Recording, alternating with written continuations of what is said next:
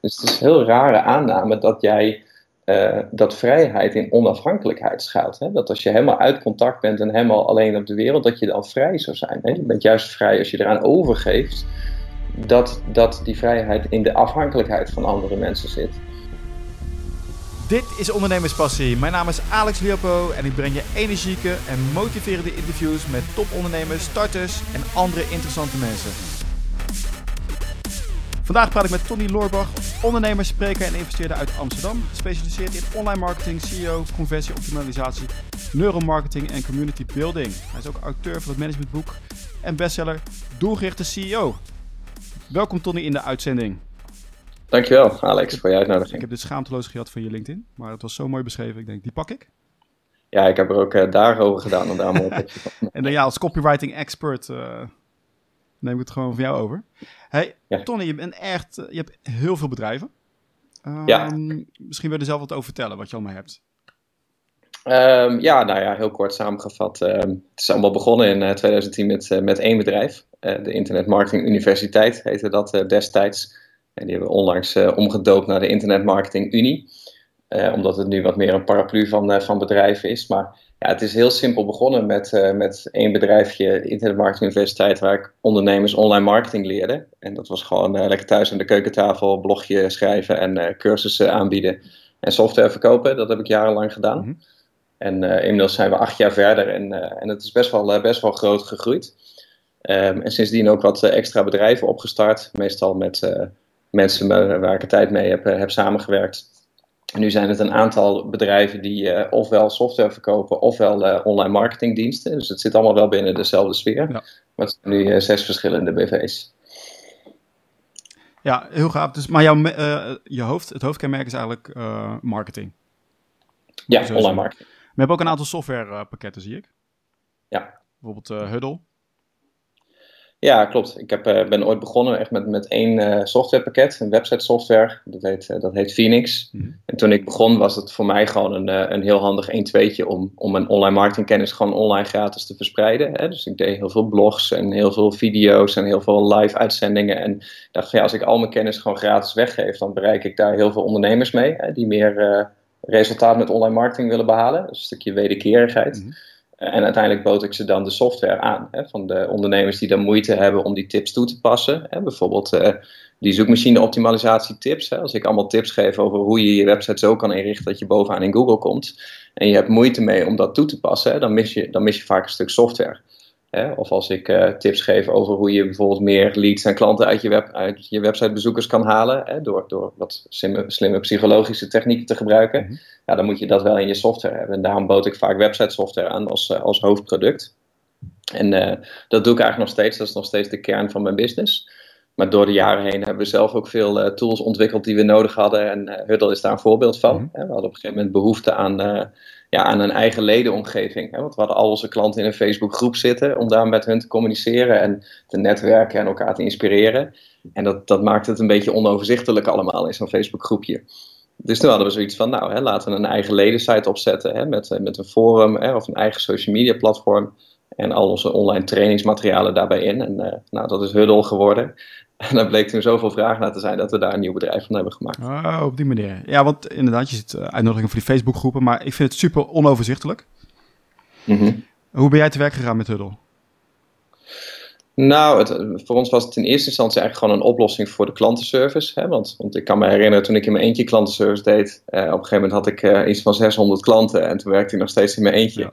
En uh, ja, toen zat ik gewoon acht uur per dag klantenservice te leveren, één op één contact. En dat was niet helemaal mijn droom van uh, een vrije internetondernemer zijn. dus, uh, dus toen kwam ik met die Facebookgroep, want toen merkte ik van nou, ik hoef alleen maar alle vragen die mijn klanten mij stellen, ze te, te, vragen of ze die vragen in die Facebookgroep zouden willen stellen. Hè? Want dan kan ik daar centraal op reageren, maar dan kunnen ze ook elkaar helpen en elkaar inspireren. En, en dat gaf wel een enorme magie, alleen, hè, dus dat raakt een beetje, een beetje onoverzichtelijk. Um, en, het, en het is heel erg van de actualiteit, hè, Facebook. Hè? Dus je ziet eigenlijk alleen wat er nu speelt. En eigenlijk al niet meer wat er gisteren is besproken. En zeker niet vorige week en vorige maand en vorig jaar. Dus er gaat, er gaat heel veel waarde verloren. En ik vond het ook niet heel professioneel voor klanten om te zeggen van... hé, hey, je betaalt mij per maand een, een bedrag voor mijn uh, diensten... en vervolgens uh, stop ik je in een gratis Facebookgroep. Dus ik heb echt een, een eigen platform. Dus ja, zo is dat een beetje ontstaan. En, en sindsdien is dat ja, wat uit de, uit de kluiten gewassen hobby is daar een groot bedrijf uit mhm. ontstaan. Oké, en wie geef je daar nu ook leiding aan? Hoe dat? Ja, of tenminste, in, in de verschillende BV's, uh, ik heb in elke BV heb ik een, uh, een partner. Mhm. en die partner die is, die is over het algemeen verantwoordelijk voor alle operationele zaken. dus in Huddle heb ik een partner, Alex. Toevallig heet hij ook Alex.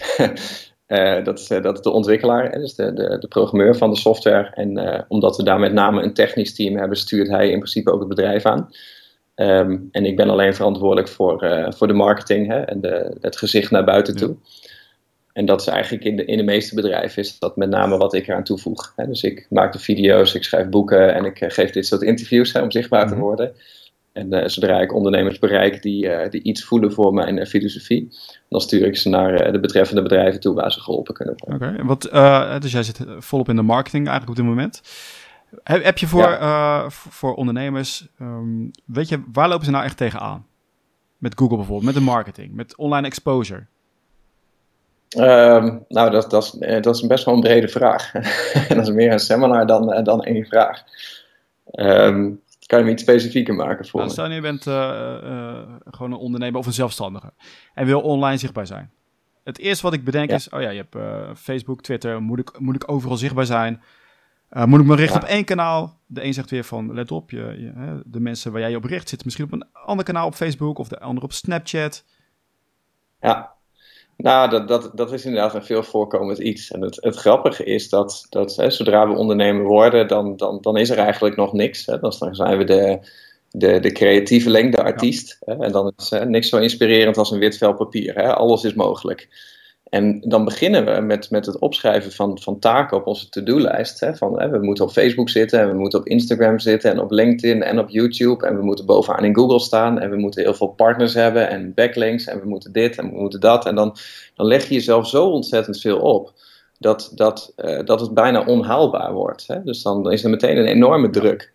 En uh, het grappige is, ik had het uh, deze week, uh, vorige week met, met iemand in ons, ons coachingstraject over. een groep ondernemers die ik een jaar lang begeleid.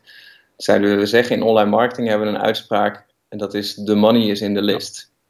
En dat betekent, het geld zit hem in je mailinglijst. Maar de wat slimmere marketeer die zegt, the money is in the relationship with the list. Hè? Dus het gaat niet om de grootte van die mailinglijst. Het gaat erom hoe warm de band is met iedereen die jij volgt. Hè? Want hoe warmer die band, des te groter de kans dat die mensen van je gaan kopen. Dus dat laat al een beetje zien dat het gaat om het specifieke. Maar ik dacht, dat gaat, dat gaat in principe ook op voor je to-do-list. Het is niet zozeer de money is in de to-do-list, zoals de meeste ondernemers denken van alles is mogelijk, dus moet ook alles. Het gaat veel meer in, uh, the money is in the relationship with the to-do list. Dus als je kijkt naar al die punten die erop staan van, en wat voor relatie heb jij met al die taken? Hè? Zijn het taken die per se nu moeten gebeuren? Of kan dat ook volgende week of volgende maand of volgend jaar? Of is het meer een nice to have wat überhaupt niet zou moeten? En dan merk je dat het veel krachtiger wordt om bijvoorbeeld één medium te kiezen, zoals bijvoorbeeld alleen Instagram of alleen YouTube of alleen SEO of alleen LinkedIn. Uh, waar, je, waar je echt thuis bent, hè? waar je echt krachtig bent, waar je je doelgroep kan bereiken en daar die echte connectie aan gaat. In plaats van dat je overal een beetje aanwezig bent. Ja, want je, je hebt Internet Marketing Unie. Ja. Uh, krijgen mensen daar ook begeleiding in? Uh, dus los van, oké, als je dit moet je twitteren, dit moet je op Instagram doen. Maar ook hoe bouw je die relatie op? Hoe maak je die sterker? Dus wordt het ook daadwerkelijk gelezen wat je allemaal schrijft? Ja, dat is, dat is een vraag die je mij stelt. Dat is een vraag inderdaad. Van hoe, uh, voor mensen die naar je website toe willen, die willen lid worden van, van de universiteit, de Internet Marketing Unie. Ja. Wat, ja, wat kunnen ze daar halen? Nou ja, ik denk niet dat, het, dat, dat iedereen alles leest wat ik schrijf. Tenminste, dat, dat, eh, dat hoop ik niet. Want dan valt er weinig meer nieuws, nieuws te vertellen van mij. Maar um, nee, kijk, voor mij is de Internet Marketing Unie. we hebben dat ook omgedoopt naar de Unie, omdat we. Voorheen was het universiteit en dan was het heel erg het lerende. Hè? Van nou, hè, we, we, geven blogs en cursussen en video's waarmee we heel veel teachen, heel veel lessen geven. Ja. En ik heb gemerkt dat, dat de, de echte winst, hè, de echte vrijheid, want dat is eigenlijk wat, wat ondernemers nastreven, die echte vrijheid, die zit hem niet in, uh, in kennis, hè, die zit hem ook niet per se in meer geld verdienen, maar die zit hem heel vaak in, in de verbondenheid hè, met, met andere mensen, hè, in verbinding.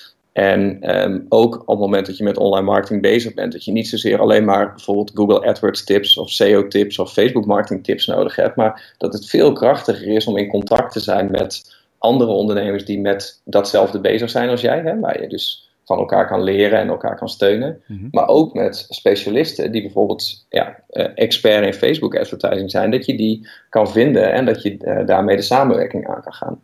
En, en dat is eigenlijk wat we met de Unie hebben gedaan. Hè. Het is een heel groot platform voor, uh, voor kennis. Maar inmiddels zijn er ook heel veel gastbloggers actief. Hè. Dus het is veel diverser geworden. Je ziet veel verschillende experts. En er hangt een heel netwerk achter van, van partners en dienstverleners.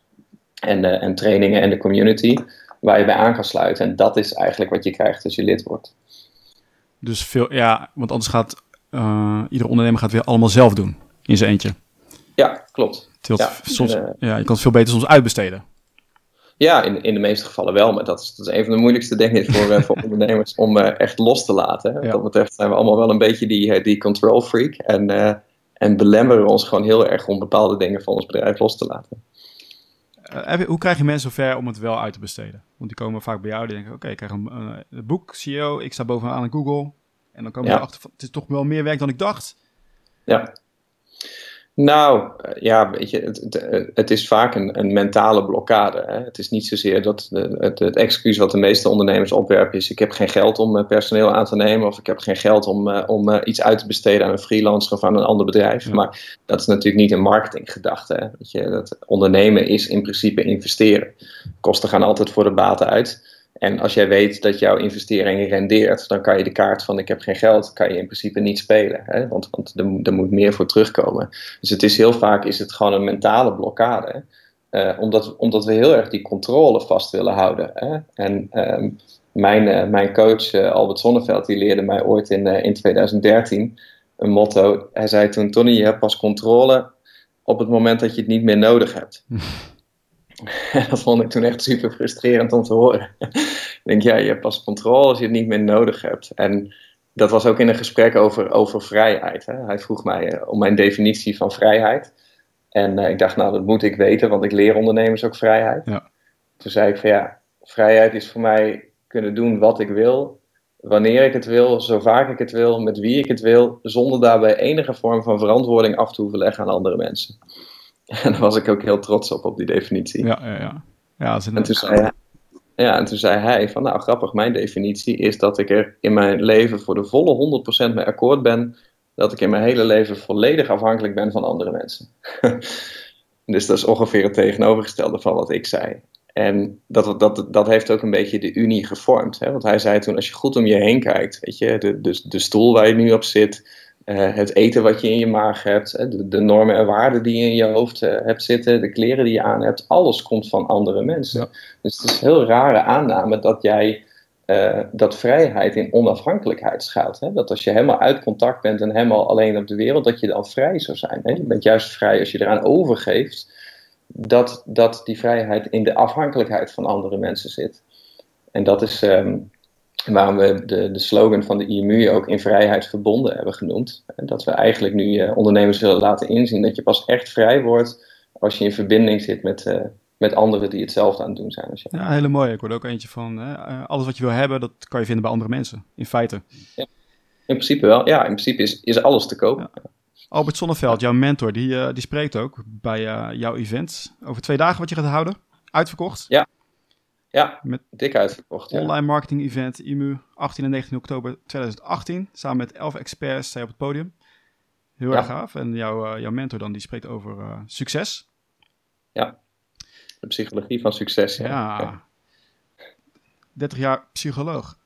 De psychologie van succes. Ik ben wel benieuwd. Nou, heb jij daar um, nog een paar ideeën van wat vaak uh, verkeerd wordt gezien als succes? Um, Nastreven van geld bijvoorbeeld. Ja, nou kijk, voor sommige mensen is dat, is dat succes. Hè?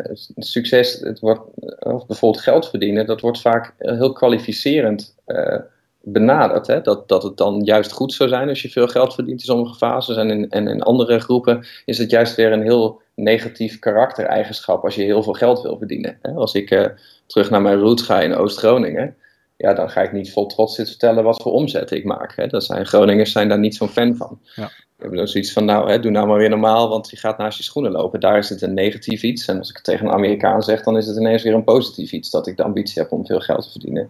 Dus succes is heel, is heel persoonlijk. En het is in elke fase ook anders. Ik kan me herinneren dat toen, toen ik begon met ondernemen, toen had ik zoiets van, nou, het, wat ik het liefste wil, is gewoon eigenlijk geen personeel, geen kantoor, een geautomatiseerde business en uh, hoge omzetten draaien, zodat ik helemaal vrij ben. Um, en toen was geld wel een belangrijke uh, uh, graadmeter daarvoor. Maar ik merkte op een gegeven moment dat, dat mij dat helemaal geen voldoening gaf. En dat geld in principe alleen maar datgene versterkt wat je al hebt. Ja. als jij gelukkig bent, dan kan veel meer geld je nog gelukkiger maken. Maar als jij niet gelukkig bent, als je ongelukkig bent, dan gaat geld ook dat versterken. En dan word je alleen maar ongelukkiger. Dus voor mij veranderde dat toen, dat ik toen merkte van nou, hè, voorheen hield ik eigenlijk helemaal niet van andere mensen, wilde ik graag alleen zijn. En ineens werd die verbondenheid met andere mensen heel belangrijk en werd cultuur bouwen uh, in mijn bedrijf hetgene wat ik eigenlijk het allerleukste vond om te doen. En tot op de dag van vandaag is dat waar ik, waar ik de meeste energie aan besteed. Omdat voor mij is nu de definitie van succes is bijvoorbeeld ook een gelukkig team. Uh, Gelukkige medewerkers en gelukkige klanten. En nou, dat zal misschien over een paar jaar zal mijn definitie weer heel, uh, heel iets anders zijn. Hele mooie. En waar, hè, dus waar, wanneer is dat omslagpunt bij jou ontstaan? Dat je erachter kwam van, hé, hey, ik wil juist wel die verbinding aan. Nou ja, door, door uh, Albert uh, als, uh, als coach. Hè. Met hem ben ik toen met twee vraagstukken aan de slag gegaan. Enerzijds van hoe kan ik, kan ik beter leren loslaten. Mm -hmm. Want ik was best wel een control freak en stiekem misschien nog steeds nog een beetje. um, En, en anderzijds van hey, hoe kan ik meer met mensen in contact komen, omdat ik van nature iemand was die, die, die snel uit contact was, hè, dus, of die het contact niet opzocht. Ja. En, en nu uh, zijn we een paar jaar verder en ja, nu heb ik en zes bedrijven met allemaal verschillende compagnons die in principe de regie voeren over mijn bedrijven. Dus het loslaten is redelijk goed gelukt.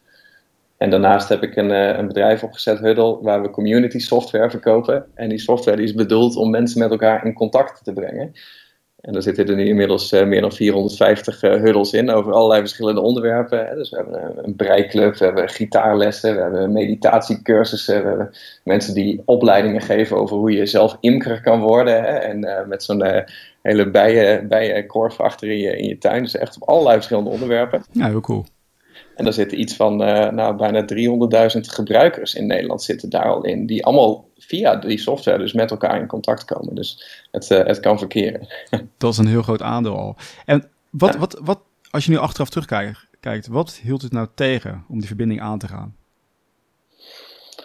Um, oh, dat is wel een goede vraag. Die hebben we nog nooit eerder gehad. Um, ja, wat, wat houdt dat tegen? Ja, weet je, dat, daar zal ongetwijfeld een, een, een angst in zitten. Hè, dat angst is toch wel um, dat, dat, daar, zitten de meeste blokkades in de groei voor een, voor, voor, voor een ondernemer en een onderneming. En ze zeggen vaak dat mensen niet van verandering houden. Maar dat is niet per se waar. Mensen houden hartstikke van verandering. Weet je, als jij uh, zegt van je hebt nu 100 euro op je bankrekening staan en uh, wil je morgen 1000 euro hebben, ja, dat is een verandering die mensen met open armen tegemoet gaan. Ja. Dus mensen houden wel van verandering, maar mensen houden niet van het mogelijke verlies wat gepaard gaat met verandering dus van nature hebben mensen, mensen een soort van aangeboren verliesaversie. Dus mensen hebben over het algemeen een, een, veel grotere angst om iets te verliezen dan dat ze de ambitie hebben om iets te winnen. dus mensen denken veel meer in behoud en laten we het alsjeblieft zo houden als dat het is. In plaats van laten we proberen iets te winnen met het risico dat ons dat misschien slechter gaat bevallen. En ik, daar hoort contact natuurlijk ook bij. Hè. Voor, voor contact is kwetsbaarheid nodig. Ja. Als jij uh, als je niet kwetsbaar durft te zijn, of dat nou een vriendschappelijke relatie is of een liefdesrelatie, ik denk als jij niet bereid bent om gekwetst te raken, dan kan je volgens mij bijvoorbeeld ook nooit verliefd worden. Klopt. Ja, uh, ja daar, daar zit wel een belangrijk stuk in. Ja, dat denk ik ook. Ik herken het ook bij mezelf hoor. Gewoon die potentiële afwijzing. Ja, ja. ja dat je denkt van la, laat maar zitten. Weet je, zoiets. Ja, klopt. Want je moet inderdaad een stukje van jezelf laten zien. En het voelt inderdaad kwetsbaar. Ja. Uh, maar dat, dat, is het, dat is het natuurlijk niet. Hè? Het is juist je openstellen voor, uh, voor een waardevol contact. Ja, en het gaaf is ook wat je merkt ook bij dat soort events is als je met alle, allemaal gelijkgestemden bent. De energie gaat ook gelijk omhoog. Ja, absoluut. Ja, dus... ja maar dat, dat moet je denk ik een paar keer ervaren. En, en ook wel in tijden dat het, dat het moeilijk is. Want elke ondernemer heeft, heeft af en toe moeilijke tijden. Ik heb ook, ook rampjaren gekend met, met zelfs een jaar waar ik echt 100% overtuigd van was dat ik, dat ik failliet zou gaan. Ja. En met, met burn-out aan toe. En dan heb je heel erg de neiging om je terug te trekken op je eigen eilandje. Hè, om het, en om het in je eentje te gaan oplossen. Terwijl ja, daar zit de oplossing niet. Hè, dus uh, op het moment dat je dan in contact komt met andere ondernemers die, die, die wel de moed erin houden. Hè, of die jou gewoon alleen maar een beetje steun geven en een beetje energie. Dan, uh, dan kom je er vaak wel, uh, wel doorheen. Ja, ja het, is vaak op die momenten ja. dan zie je het niet. Dus het voelt het allemaal heel zwaar. En iemand vanuit de buitenkant die kan veel objectiever kijken. En die hoeft maar één ding te zeggen. Ja. En opeens gaat het licht weer aan van, oh ja, en dan komen al die mogelijkheden, die komen weer. Ja, die, die kan het relativeren. Hè? Want, want je denkt zelf, als je gaat piekeren, hè, dat is een beetje de verkeerde kant op fantaseren, maar dan denk je vaak in wat er allemaal mis kan gaan. En dan praat je jezelf uh, volledig de afgrond in. Wat dat betreft, uh, de mens leidt het meest van het lijden wat hij vreest. Alleen uh, als, als je iemand anders hebt die dat piekeren weer om kan zetten in fantaseren, hè, door, door weer de goede kant op te fantaseren en in progressie te denken, ja, dan, dan trek je jezelf daar weer uit. Maar dat, dat kan in je eigen hoofd niet. Dat is wat, wat Albert altijd tegen mij zei, was uh, je kan jezelf ook niet aan je eigen haren uit het moeras trekken. Dus je kan niet binnen je eigen referentiekader groter gaan denken dan dat je zelf op dat moment kan bevatten. Ja, klopt. Want je brein is heel goed in om uh, door te gaan waar het mee bezig was. Dus als je eenmaal in die negatieve spiraal komt, blijf je daarin doorgaan. ja. wat, wat, is nou jouw tactiek om uh, daar uit te komen? Bijvoorbeeld als je dat hebt, dat je het voelt aankomen. Wat doe je dan? Um, nou, voor mij, voor mij is dat um, sinds, sinds de burn-out heb ik natuurlijk een paar alarmbellen die af kunnen gaan en waar ik op moet letten. Um, door structureel andere levenskeuzes te maken. Dus ik heb bijvoorbeeld, uh, voor mij zo'n rode draad in mijn leven is bijvoorbeeld mijn sport. Dus ik heb uh, drie keer in de week heb ik een sportsessie gepland staan. En dat is ook het allereerste wat in mijn agenda staat. Dus voor heel 2019 is de agenda helemaal leeg. Er staan alleen die drie sportsessies in. Ja. Die zeg ik in principe ook nooit af, tenzij ik in het buitenland ben. Uh, met, met die personal trainer die, uh, die me daarmee helpt. En dat, dat is bijvoorbeeld de rode draad. En ik merk dan bij hem dat hè, als ik wat kracht verlies of stel dat ik een uh, halter omhoog aan het duwen ben en ik, en ik word ineens emotioneel, dat is bijvoorbeeld een alarmbel hè, die bij mij afgaat. Dus dan weet ik van oké, okay, ik zit een beetje over de grens deze week, dus een beetje rustiger aan doen. En ik merk het ook in, um, in bijvoorbeeld in mijn sociale leven. Hè? Als ik mijn sociale leven ga verwaarlozen of te lang bepaalde mensen niet heb gesproken, dan is dat ook een alarmbel. Of als ik uh, mijn, uh, mijn voeding uh, begin te verminderen, hè? dat ik slechter ga eten en minder gezond ga eten, dan zijn dat ook alarmbellen voor mij. Ja, ja, ja. En heb je dan de mogelijkheid om jezelf daar uit te halen of gebruik ik ook iets externs ervoor, bijvoorbeeld? Nee, ik moet echt externe druk hebben. Ja. Ik heb wat dat betreft heel weinig wilskracht. Als ik s ochtends om tien uur een, eh, een, eh, een fitnesssessie gepland heb staan. En mijn trainer die appt me van, hey, eh, kan je een half uur later? En ik heb de hele dag niks te doen. Dan is mijn eerste impuls om te zeggen van, nee, dan kan ik niet. Maar dan laten we vandaag wel, uh, wel uh, overslaan. Ah. dus ja, ik, ik ken mezelf. Ik, ik moet die vrijheid absoluut niet hebben. dus nee, ik, ik, ik, zoek vaak gewoon externe factoren die, die me helpen om in, in de focus te blijven. Ja, laten we goed dat je dat, dat je dat weet van jezelf. En dat is een groot gedeelte, ook vooral na zo'n burn-out, is leer jezelf goed kennen. Ja. En, niet, je, niet je gevoelens wegdrukken, maar heel goed luisteren. Ja, goed luisteren en, en ook structureel andere levenskeuzes maken. Dus, dus het reactieve gaat er vanaf. Je gaat niet meer zeggen van nou, ik heb een tijd ongezond geleefd, dus nu ga ik een weekje rustig aan doen. Of ik heb heel lang niet gesport, dus nu ga ik heel hard sporten. Ik denk, nee, het is andersom. Het begint met een, met een basis die, die, die gezond en gefocust is, waar je je energie op nummer 1 hebt staan. Ja. En, uh, en daar moet eigenlijk alles voor wijken. Ja, je hebt je nu zelf eh, helemaal omringd met een uh, mega team aan, uh, ik denk ook aan positiviteit. Mensen die dezelfde richting op gaan. Ja. Um, mijn idee is dat dat het allermeeste helpt om vooruit te komen in het leven.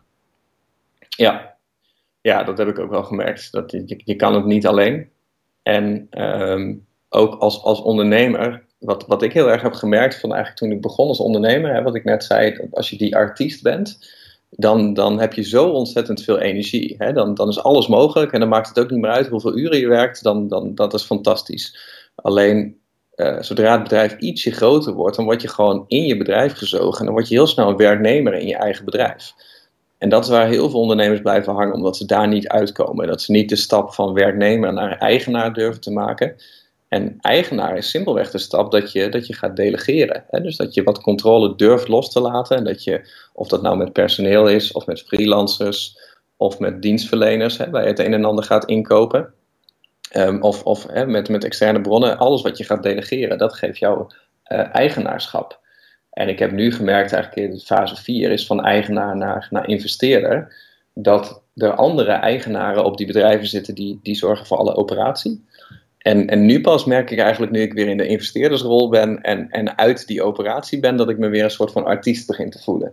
dus ik kom weer terug bij, uh, bij mijn kern. Ik kan weer gewoon lekker creëren en mijn creativiteit uh, laten gelden. En alles wat ik doe, dat voegt waarde toe aan die bedrijven. Maar ik ben niet verantwoordelijk voor wat voor reactieve zaken dan ook. Ja, want het is vaak zo dat die druk, hoe klein dan ook, daar gaat dan al je aandacht naartoe. En als, het, als je zelf maar een beetje daarvan vrijmaakt, dan, dan, ja. dan gaat het weer stromen. Ja, klopt. Ja, want dan, dan heb je ook de ruimte om wat dieper na te denken over waar je nou precies staat en, uh, en waar je naartoe wil. We hebben dat dit jaar, uh, heb ik dat samen met mijn compagnon uh, Martijn, hebben we het daar veel over. Dat is mijn, mijn compagnon in de IMU. Mm -hmm. En wij fungeren een beetje als elkaars schaduw. En ehm, we hebben het dan nu heel vaak over de kunst van het laterale denken. En dat houdt eigenlijk in van hè, zodra we dan een, een, een, een probleem hebben waarvan we zeggen van nou dit kan niet, of een uitdaging van dit kan niet, denk van oké het kan niet, maar um, stel nou dat het wel zou kunnen. Hè? Dus, dus stel nou dat het wel zo zou zijn, hoe zouden we dat dan gedaan kunnen hebben? Ja, ja, ja. Dat hebben we bijvoorbeeld als het gaat om uh, de website uitbreiden. Hè? Als we nou zoiets hebben van willen het einde van het jaar willen we tien keer zoveel gratis bezoekers uit Google hebben als nu. Dan zeg ik van nou dat kan niet. Maar stel nou dat we straks met oud en nieuw erop proosten dat het ons wel gelukt is. Hè? We beelden dat even in. Wat zouden we dan eventueel daarvoor gedaan kunnen hebben, waardoor het toch gelukt is? Ja. En, uh, en dat is eigenlijk wat pas komt als je, als je in je hoofd zo rustig en zo vrij bent, dat je echt uit het bedrijf kan, uh, kan zijn. Ja, dan zie je die beren op de weg niet meer, maar zie je het eindresultaat ja. en dan komt de oplossing vanzelf ja, bij ons was het dan bijvoorbeeld dat we op een gegeven moment dachten van, uh, nou, hè, als we dat bereik moeten hebben, dan moet ik al zo'n beetje websites gaan kopen ja. die al die bezoekers al hebben die wij willen. En dat bleek uiteindelijk een hele goede oplossing. Dus toen hebben we een website gekocht en, uh, en nu hebben we ineens de IMU verdubbeld. Zoals met kleine aanpassingen kom je heel stuk verder. Tonne, ik vond het echt leuk om met je te spreken. Ik denk wel de meest waardevolle les geleerd eigenlijk uh, in deze uitzending. Ja. omringen met, met gelijkgestemden. En zo kom, je, ja, zo kom je het verste en niet afzonderen. Ja, ik, ik, denk dat dat de moraal van het verhaal is. Die heb je ja, goed nee, af, ja. ja. zeker weten. Dus mensen gaan naar de... Ik, ja. ik zal alle linkjes bij mij in de show notes plaatsen.